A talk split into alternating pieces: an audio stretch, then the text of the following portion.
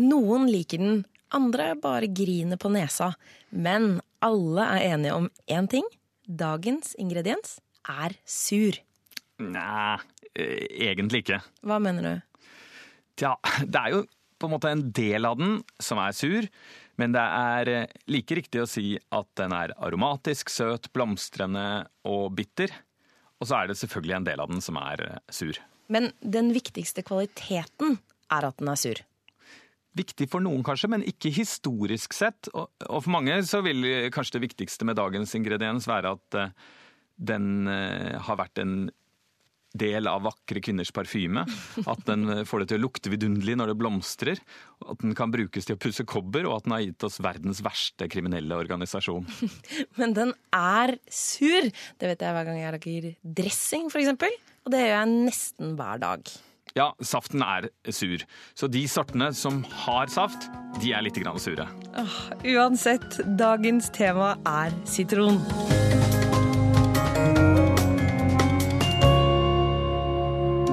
Den italienske futuristen Filippo Tomassi Marinetti drømte om at en gang i fremtiden ville man kunne formidle mat gjennom radio. At man rett og slett spiste det man hørte. Og slik har det altså blitt. Med dette programmet som vi har valgt å kalle nettopp Radiomat, skal vi prøve å gi deg spiselig kunnskap. I Radiomat skal vi snakke om matens kulturhistorie, om råvarer, om matens betydning opp gjennom historien og i vår tid. Og vi skal snakke om smak. I studio overfor meg sitter matentusiast, kokebokforfatter og småbonde Andreas Wiestad. Han er den eneste jeg kjenner som har håndhilst på en sitron. Og overfor meg sitter matblogger, birøkter og radiomenneske Pia Skjevik, som blir litt grann sur hvis det er for mye av det hun oppfatter som flisespikkeri. Hva er en sitron, og hvor kommer den fra? Sitronen er frukten til et eviggrønt tre som opprinnelig vokste vilt i Asia, i et slags belte mellom det vi i dag kaller Nord-India, altså Burma eller Myanmar, og Kina. Så alle de landene vil, vil si at sitronen den kommer fra oss, og alle har i grunnen rett til det. Så man kunne bare gå ut i jungelen og se masse deilige, store sitrontrær? Ja, det er, det er kanskje liksom en, en, litt sånn måte å forkorte mange tusen års historie. De, de, vokste opprinnelig vilt, og så kanskje for 5000 år siden så begynte menneskene å, å, dyrke dem. Og da har man dyrket fram forskjellige egenskaper, og jeg, jeg tviler på at vi ville gjenkjent et vilt sitrontre hvis hvis vi hadde sett i dag. Men da var det selvfølgelig fordi de syntes at saften var så deilig. Det er jo i tiden før eddik kom. Ja, man har, har, egentlig ikke laget eddik mer enn noen hundre år, men det interessante er jo at uh, sitronen på den tiden hadde ikke sitronsaft. Hæ? Eller, eller vil si at den hadde sikkert kanskje en teskje eller, eller sånn med, med, saft inni, altså masse, masse, frø. Men det var ikke derfor man dyrket den. Man dyrket uh, treet fordi, fordi, det var pent. altså Det var noen som rike mennesker ville ha det i palasset sitt, og det ga fra seg god lukt. Det var grønt hele året, og, og det hadde deilige blomster. Men uh, den viktigste grunnen til at man dyrket det, var pga. skallet. Og hva brukte man det til? Har du opplevd det å vaske en sitron i, i varmt vann f.eks., eller gni sitronskallet? Så lukter jo det veldig sånn overveldende deilig. Det er masse sånne eteriske oljer i skallet. Mm. Og det var det som var det viktigste med sitronen. Så det var rett og slett essensen i parfyme. Det ble brukt i godlukt. Det er jo sånn at hvis du går litt tilbake i tid, så var det nok ganske mange vonde lukter rundt deg hele tiden. Så da var jo nettopp det som på en måte overklassen og de som hadde råd til det, de kjøpte godlukter, for du kunne aldri helt komme unna verdens vonde, vonde lukt. Og med sitrontreet så var det jo det at selve treet også, hvis du hadde det på gårdsplassen i palasset ditt, så luktet det deilig fra treet, fra bladene, og ikke minst også fra blomstene. Og så når du da fikk frukt, så brukte du det i, eh, i parfyme og i, i, i Tilsatte det når du brant lys og den type ting. Kan man spise blomstene?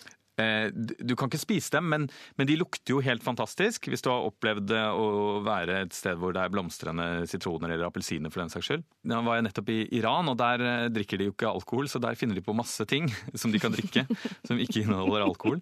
Og en av de tingene jeg fikk mye av, var eh, sånn type limonadedrikker som inneholdt appelsin- og sitronblomster i. Og det har en veldig sånn rik aromatisk, sånn veldig, veldig parfymert smak, som da ikke minner om eh, smaken av sitronsaft eh, noe særlig, men som mer minner om, om sånn eh, sånne, sånne, luftrenser. ikke sant?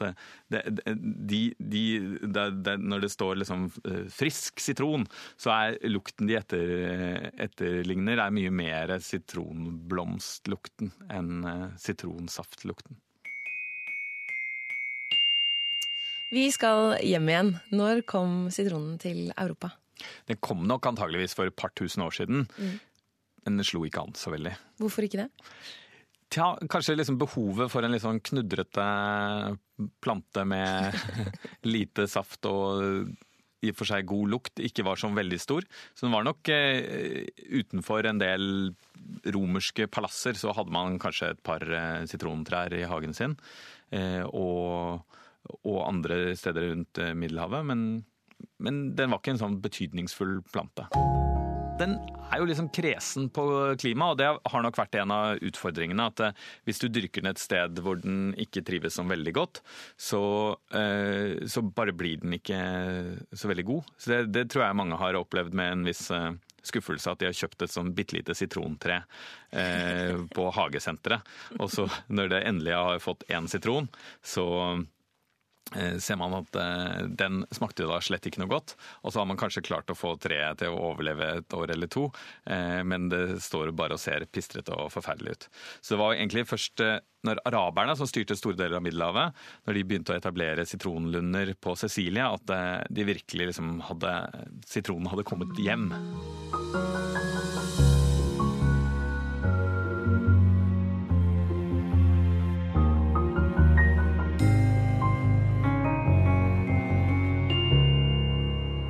Før vi skal gå videre med smaken av sitronen, så skal vi holde oss litt til på Sicilia. Ja, da har sitronen endelig funnet sitt hjem. Den trives. Den eh, er blitt eh, nærmere det vi kjenner den som i dag. Med masse sitronsaft. Men det er også en sånn bitter bismak til historien. For hva, hva forbinder du med eh, Sicilia?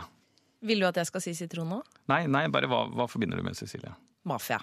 Ja, Og hvorfor oppsto mafiaen? Det vet jeg at du skal fortelle oss nå.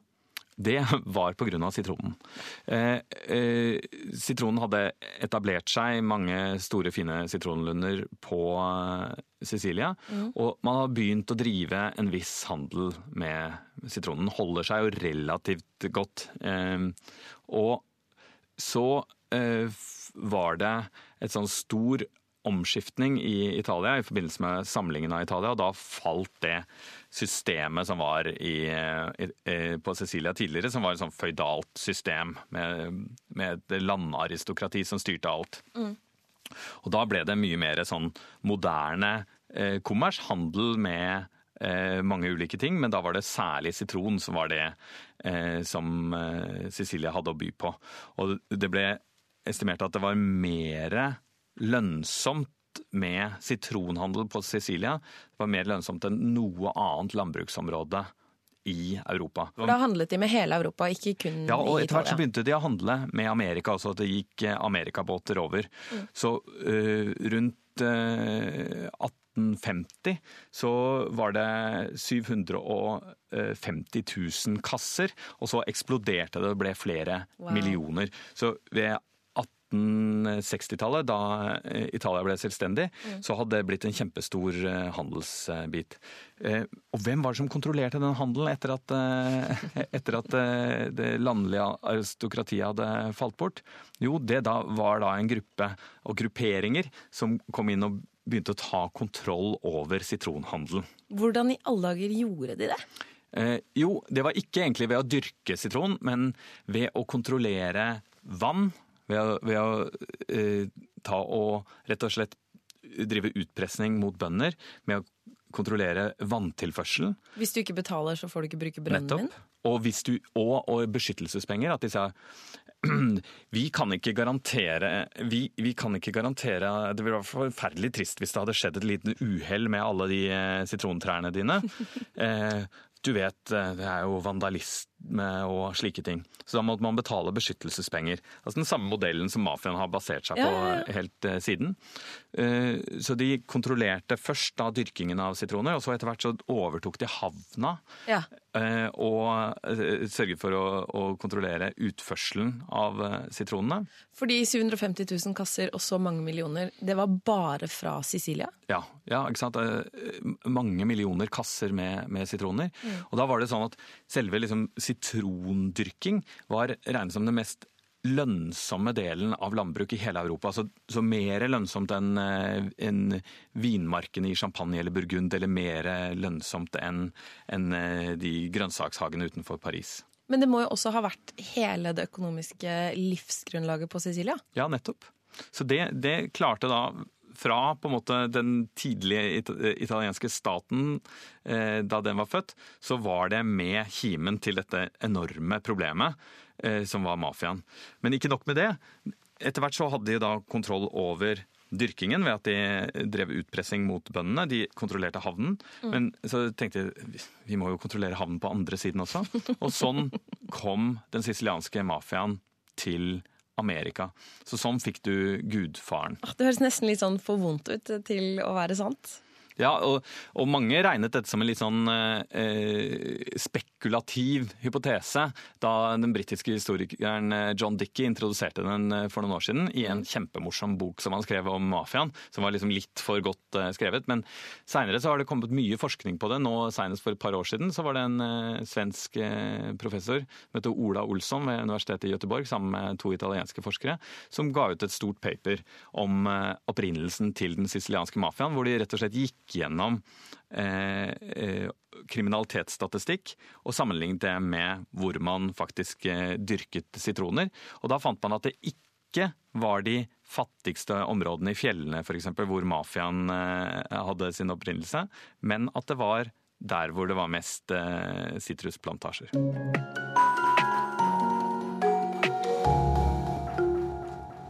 Som bonde kan det virke som du har levd flere liv allerede, Andreas. Men har du vært sitronbonde? Jeg, jeg har på en måte det. Eh, ikke i Norge, da, men eh, jeg var med å etablere en, eh, en, et lite landbruksprosjekt i, i Sør-Afrika, rett utenfor Cape Town. Så der etablerte vi også en liten eh, med, med, med mye sitron. Eh, men der opplevde vi også noe av det som kan være vanskelig med sitronen. At eh, vi ble fortalt at dette klimaet er ikke optimalt for eh, sitrondyrking. Eh, Men vi skulle ikke drive kommersielt, så det var ikke egentlig et eh, stort problem. Og det er jo mye mer optimalt enn enn f.eks. i Norge. Så da fant du én type sitron som du dyrket masse av. Nei. Og hele ideen vår er jo det motsatte litt. At vi var ikke interessert i å finne den ene sorten som passet best eh, for akkurat det klimaet. Vi hadde lyst til å vise mangfoldet i eh, sitroner. Og det er egentlig ganske enormt. Det er sånn, jeg kan fortsatt gå gjennom den sitronlunden og bli helt sånn slått av hvor, eh, hvor forskjellig en sitron kan være. Hvor, hvor mange typer har du? da? Nei, Da har vi kanskje 10-15 forskjellige typer sitroner. Så vi fikk tak i to-tre eh, typer som blir dyrket kommersielt i nærheten. Men så fikk vi også kontakt med et, eh, eh, sitrusforskningssenter, og så fikk vi noen sorter derfra. Og, og det som er interessant, er at det er eh, kanskje fem ja, Nærmere ti av dem er ganske like eh, utseendemessig. Ja. Så, sånn at du går eh, og plukker en sitron, og så vet du Etter hvert så har eh, skiltingen blitt så dårlig at jeg må liksom konferere et kart hvis jeg skal vite akkurat hvilken sort som er, er hvor. Og da er det jo mange som er ganske vanlige. Men hva er poenget med å ha så mange forskjellige typer, da? Jo, det man oppdager er at, at, jeg kan plukke tre sitroner som ser ganske like ut. Så kommer de hjem, og så er de litt forskjellige. Altså, det er noen som er hardere, det er noen som er syrligere, det er noen som er, er litt mer aromatiske. Og så er det de virkelig liksom ekstreme typene sitroner. Som Okay. kanskje er det som gir meg mest glede, da. Ok, Som hva da, for eksempel? Jo, i den ene, ene utkanten så er det noe som heter Meyer-sitron, som er egentlig en sitronkrysning, hvor man har krysset den opp mot uh, appelsin, Okay. sånn at den ser ut som en sitron. Den eh, lukter som en sitron, den smaker ganske mye som en sitron, men er ikke så syrlig, sånn at, eh, at, du, eh, at du kan faktisk eh, presse sitronsaften og, og drikke den uten å gjøre sånn vrenge, vrengetryne. Åh, det hørtes deilig ut, da. Ja, så, så den er veldig fin å bruke i matlagingen i en del eh, typer retter hvor man ikke vil at eh, Hvor man vil ha friskheten, men hvor man ikke vil ha fullt så sterkt syrebitt. Og så i den andre utkanten kommer kanskje min favoritt, da, som er, heter Buddhas hånd. Ok, Hvorfor heter den Buddhas hånd? Ja, og det er, eh, vender tilbake til det vi snakka om i begynnelsen, at man dyrket sitron ikke pga. saften, men eh, pga. Eh, eteriske oljer i skallet. Men hvor mye skall kan en sitron få? Ja, det er nettopp det. Eh, at eh, når du har et, eh, en- en helt rund frukt med glatt skall, så er jo overflaten ganske liten. Men hvis du har en piggete frukt, så blir det mye mer overflate. Og her er det sånn at den rett og slett ser ut eh, Den ser litt ut som en hånd. Hvis du på en måte prøver med alle fingrene dine og, og, og liksom danne en sirkel på bordet, så ser den litt sånn ut. Men kan også Hvis like du gjerne- klemmer de sammen. Ja, klemmer de sammen. Du kan like gjerne si at den ser litt ut som en blekksprut, eller Ja, Men den har altså ikke noe saft. ikke noe saft. Så den har bare Eller du får kanskje ut en teskje av den, men det er først og fremst da masse skall, og så masse av det hvite, bitre membranen, på en måte. Og så er det noen få frø som er liksom begravet i kanskje en teskje eller to med sitronsaft, som ikke smaker noe spess. Men det er jo da denne voldsomme Så hvis du har et sånn eh, sester, som det kalles, altså sånn, sånn sitronjern, eh, så får du av masse, masse skall av den. Men du kan jo også bruke bare en grønnsakskrem, en potetskreller, Ja, ja, eller en ja. ostehøvel. Ja, nettopp. Eh, Men det jeg gjør, som jeg syns egentlig er det fineste med det, er at eh, fordi det er jo også det visuelle at folk blir liksom man blir liksom utfordra. Kan dette være en sitron? Men så er det også, eh, når jeg lager eh, bare har vanlig vann på bordet, så har jeg en sånn eh, fingersitron nedi der. En sånn eh, Buddhas hånd. Og så, og så liksom bare dunker jeg litt borti den med en sleiv eller sånn, og så frigjør den en, en sånn eh, frisk, aromatisk eh, eh, sitronsmak uten, uten syrligheten til vannet. Men får man tak i den i Norge? Jeg har ikke sett den i Norge. Jeg har sett at de har begynt å, å importere den som en sånn eh, pussighet da, i, i USA og Storbritannia og Tyskland og sånn. Så den kommer nok til Norge. Men, men når du først har den i, på kjøkkenet, så, så, så kan man si at eh, den er jo ikke forferdelig praktisk. Det er jo, det er jo først og fremst altså For meg så, så er det interessant fordi, fordi den er med på å fortelle sitronens mange tusen år lange historie, og at, den, eh, at man får sånn wow-følelse. Eh, Men hvis den hadde vært litt vanligere, så ville man nok bare tenkt jøye meg, det var en virkelig unyttig sitron.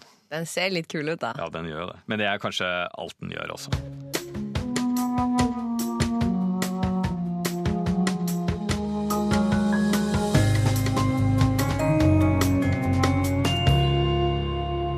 Når livet gir deg sitroner, må du lage limonade? Nei, du må ikke, men, men det er jo veldig godt, og det er det vi skal gjøre etterpå.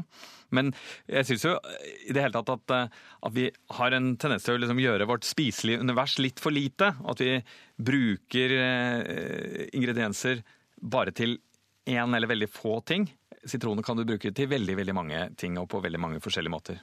Ja, men, eh, men jeg tenker litt, for at eh, Tidligere i sendingen så snakket vi om at jeg eksempel bruker sitron når jeg lager dressing til salat. Men hvorfor gjør jeg det? Det har jo med smak og behag å gjøre. Du kunne ha brukt eddik. Men eddik og sitron er jo to sånne eh, ting som vi bruker ofte bare pga. funksjonen. At vi tenker at det er det vi tilsetter for å gjøre det surt. Men de har jo også sin egen smak, og at eddik er jo da alkohol som er brutt ned og blitt til eh, noe surt, til, eddik. Mens sitronsaft er jo i utgangspunktet saften av en frukt, så den har jo en helt annen type fruktighet og friskhet. Eh, så den er, den, den er jo noe helt annet eh, eh, og kan gi helt andre kvaliteter hvis den er god. Og man merker kanskje størst forskjell på de to i For det er én saus som er ganske lik. Den store forskjellen, En hollandais skal lages med sitronsaft, og en bearnés skal lages med eddik, og så da smaksatt med estragon og sånn. Og Da merker du jo forskjell at, den, at, den, at det er mer bitt eh, og, og liksom det river litt mer i nesa av en god, av en god bearnés. Jeg syns det er deilig, men jeg syns også en hollandaise er superdeilig på annet vis. Og jeg pleier å tilsette bitte lite grann sitronskall til hollandesen også, sånn at den blir litt mer aromatisk. Men bruker du sitronskall fra hvilken som helst type sitron? Ja, jeg foretrekker jo å kjøpe økologiske sitroner. Og, øh, og, det er jo av flere grunner. At jeg syns ofte at sitronsaften smaker bedre på dem også. Men, men særlig det at da er ikke skallet sprøyta, så, så, da er det lettere å bruke det. Fordi at uh, I likhet med tomat så er sitrusfrukter Der setter sprøytingen seg i skallet, og det er veldig vanskelig å vaske det ut. ikke sant? Nei, altså jeg vil ikke være altså, Nei! jeg er veldig for eh, eh, økologi, og jeg er veldig for at man, eh, jeg kjøper økologiske sitroner når, når, det skal, når, det gjelder. Men ellers så er jeg ikke veldig redd for at For man bruker så lite av det. At, men, men, da, hvis den er sprøyta, så skyll den og børst den litt under, under rennende lunka vann. Så, så skal det går bra. Du bruker jo ikke forferdelig mye. Du bruker liksom en teskje revet skall i hollandesen og lager hollandes. okay. ja, men det var godt, godt, nytt for meg og resten av verden, som ikke alltid har økologiske sitroner tilgjengelig. Men noen ganger så er du jo ikke ute etter syrligheten i det hele tatt. Og uh, i uh, Midtøsten og, og også i Nord-Afrika så bruker man av og til sylta sitroner. Mm -hmm. Så hvis du har smakt eh, marokkansk tajin, f.eks., mm. så har det ofte en sånn deilig, rund sitronsmak. Og det kommer av sylta sitroner.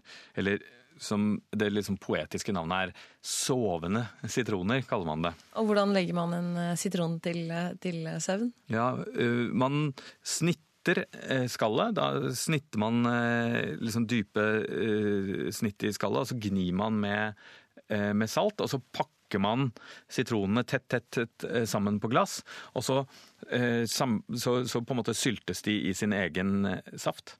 Ja, nettopp. Jeg skulle, for jeg skulle til å si ikke noe væske. Nei, vanligvis så tilsetter man ikke væske. Det er noen hvor man tilsetter litt saltlake. Og så, og så kan de holde seg da i månedsvis. Og dette var vel antageligvis eh, opprinnelig en, en måte å, å, ta vare på sitronene på. fordi eh, de har jo også sine sesonger, sånn at eh, du har sitroner noen deler av året og andre deler ikke. Og da har man da brukt det eh, som en smakstilsetning. Og, så, og, og, det er jo helt annet. Jeg har prøvd noen ganger til stor fortvilelse å gjenskape akkurat den smaken av den deilige marokkanske kyllinggryta f.eks. Eh, men med ferske sitroner så blir det noe annet. og det, Da kan du risikere at det bare blir veldig, at det blir surt og grettent. Eh, mens det er ikke meningen. Men bruker du hele den sylta sitronen, eller bare skallet? Nei, da, da bruker du hele, hele den sylta sitronen. Mm. Og en annen sånn smakstransformasjon som man kan få, eh, det er eh, når man griller. Ja. Da tar jeg av og til en halv sitron og legger litt i utkanten av grillen, sånn at den Eh, at den blir bakt, men også får litt sånn karamellisering i overflaten. Og den kan godt bli litt brent i, i, i kanten også. Mm. Men da vil, eh, vil, man oppdage at eh, smaken av saften er, er en helt annen. At den, at den har en mye, mye, større grad av rundhet og er ikke, ikke, så sur. Så du lager en ny sitron på en måte? Ja, på en måte. Eller, eller gjør sånn som mennesker har gjort gjennom alle tider. At man bruker en annen kvalitet i, i sitronen. En ting jeg av og til opplever eh, på middag hos deg, Andreas, det er at du bruker sitron i pasta. Ja, det er jo en klassisk eh, italiensk eh, ting. Å lage en pasta med eh, egentlig veldig enkel med olivenolje og kanskje hvitløk og persille eller basilikum. Og så vender man inn sitronsaft og like viktig sitronskall. Og da får man en utrolig frisk og, og, deilig, og deilig pasta og så drysse over parmesan. Det er veldig godt. Ja, Det er en sånn uh, god sommersmak. Hvilket bringer oss videre til dagens oppskrift, som er limonade. Og du vet selvfølgelig hvordan man lager verdens beste limonade. Det vil jeg ikke si, men jeg vet uh, hvordan jeg lager den limonaden jeg liker aller best. Og det skal være en limonade som smaker ikke bare surt, ikke bare søtt, men den skal smake av sitron. Og da trenger du hvor mange sitroner? Ja, la oss eh, ta en ordentlig fin, stor mugge. Og, og da ta saften av fire gode sitroner. Hvordan velger du en god sitron? Hva skal du kjenne etter? Ja, Ofte har man jo ikke så mye valg, men har, eh, min erfaring er at, eh, at, jeg er dypt lykkelig når jeg finner sånne kjempegode sicilianske sitroner. Det er ikke ofte man gjør. Men ellers så eh, liker jeg å klemme på sitronene. De bør ikke være for harde. Jeg syns eh, ofte at de økologiske sitronene, som ofte kommer i sånne små nett, at de ofte er bedre på smak, og at de har mer saft i. Så nå har vi klemt saften av eh, fire, av fire sitroner. Mm. Og så gjelder det hvor mye sukker man skal eh, tilsette. Og jeg syns man kan være litt gjerrig. Ja. Tilsette liksom 100 gram eh, sukker til denne, denne store muggen. Eh, mens de som er rause, går opp til 300 Men eh, hvis man bruker Meyer-sitroner, som du snakket om tidligere, som er litt sånn søtere enn vanlige sitronen, man, kan man droppe sukker da?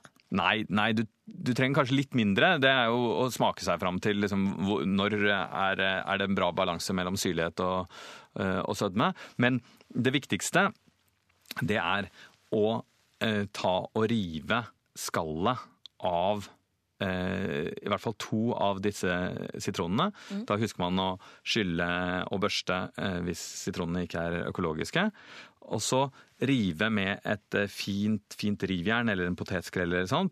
Bare få med det gule laget ytterst. Hvorfor bare det gule laget? Jo, Den hvite massen mellom skallet og, og fruktkjøttet, den er litt bitter og gir litt sånn bitter smak. Så så nå har vi revet skallet av eh, to eh, sitroner, mm. og så blande det med sukkeret og med la oss si en desiliter eller, eller, to med vann, og så koke opp. Og så gjerne la det bare stå og trekke eh, i ti minutters tid. Mm. Ta det av varmen, la det stå og trekke i ti minutters tid.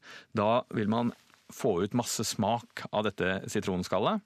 Og Så blander vi det med sitronsaften, og så fyller på med vann og isbiter. Og så selvfølgelig, hvis du da har eh, gått på den smellen at du har kjøpt et sitrontre eh, på et hagesenter som kommer til å stå vannsmektig inntil det dør, så, og, hvis du da er heldig nok til at eh, det har noen blomster, så kan du plukke noen av de blomstene, for det kommer aldri til å bli dugenes frukt. Og bruke det i limonaden, for det gir en ekkel ekstra sånn parfymert, deilig sitronsmak. Og så også, ser det sikkert veldig vakkert ut. Ja, det ser nydelig ut. Og det samme er eh, hvis eh, sitronene kommer med små blader. Det gjør de av og til også. Så kan man skylle de bladene godt, og så ha dem oppi. De gir også en liten ekstra smak, som er med på å lage dette fyldige, store bildet. Og hvis det er noen små sitronblader med. Det er av og til at det kommer med i kassen med sitroner. Så kan du ta sitronbladet, skylle det godt i varmt vann, og så ha det også oppi limonaden. Det ser jo fint ut, men det er også med på å gi litt ekstra sitronsmak. For den smaker jo også av sitron og dufter av sitron. Og da vil du til sammen ha en limonade som er frisk og deilig sommerdrikk, men som også utfyller bildet av hva en sitron smaker. Ikke bare syrlig, men dyp og kompleks. Og det var dessverre alt vi rakk av Radiomat for denne uken. Men Radiomat-universet lever videre på sosiale medier hver eneste dag. Søk opp eh, NRK Radiomat på Instagram eller Facebook. Og hvis du vil høre programmet igjen, eller kanskje dele det med en venn, så får du selvfølgelig Radiomat som podkast. Og du, når du først er inne på podkastsiden din, så må du gjerne både abonnere på NRK Radiomat og gi oss en karakter. Da blir nemlig enda flere som får stilt sin nysgjerrighetssult på mat og mathistorie. I alle fall for noen timer. Vi høres igjen neste uke. Jeg heter Pia Skjevik. Og jeg heter Andreas Wiestad.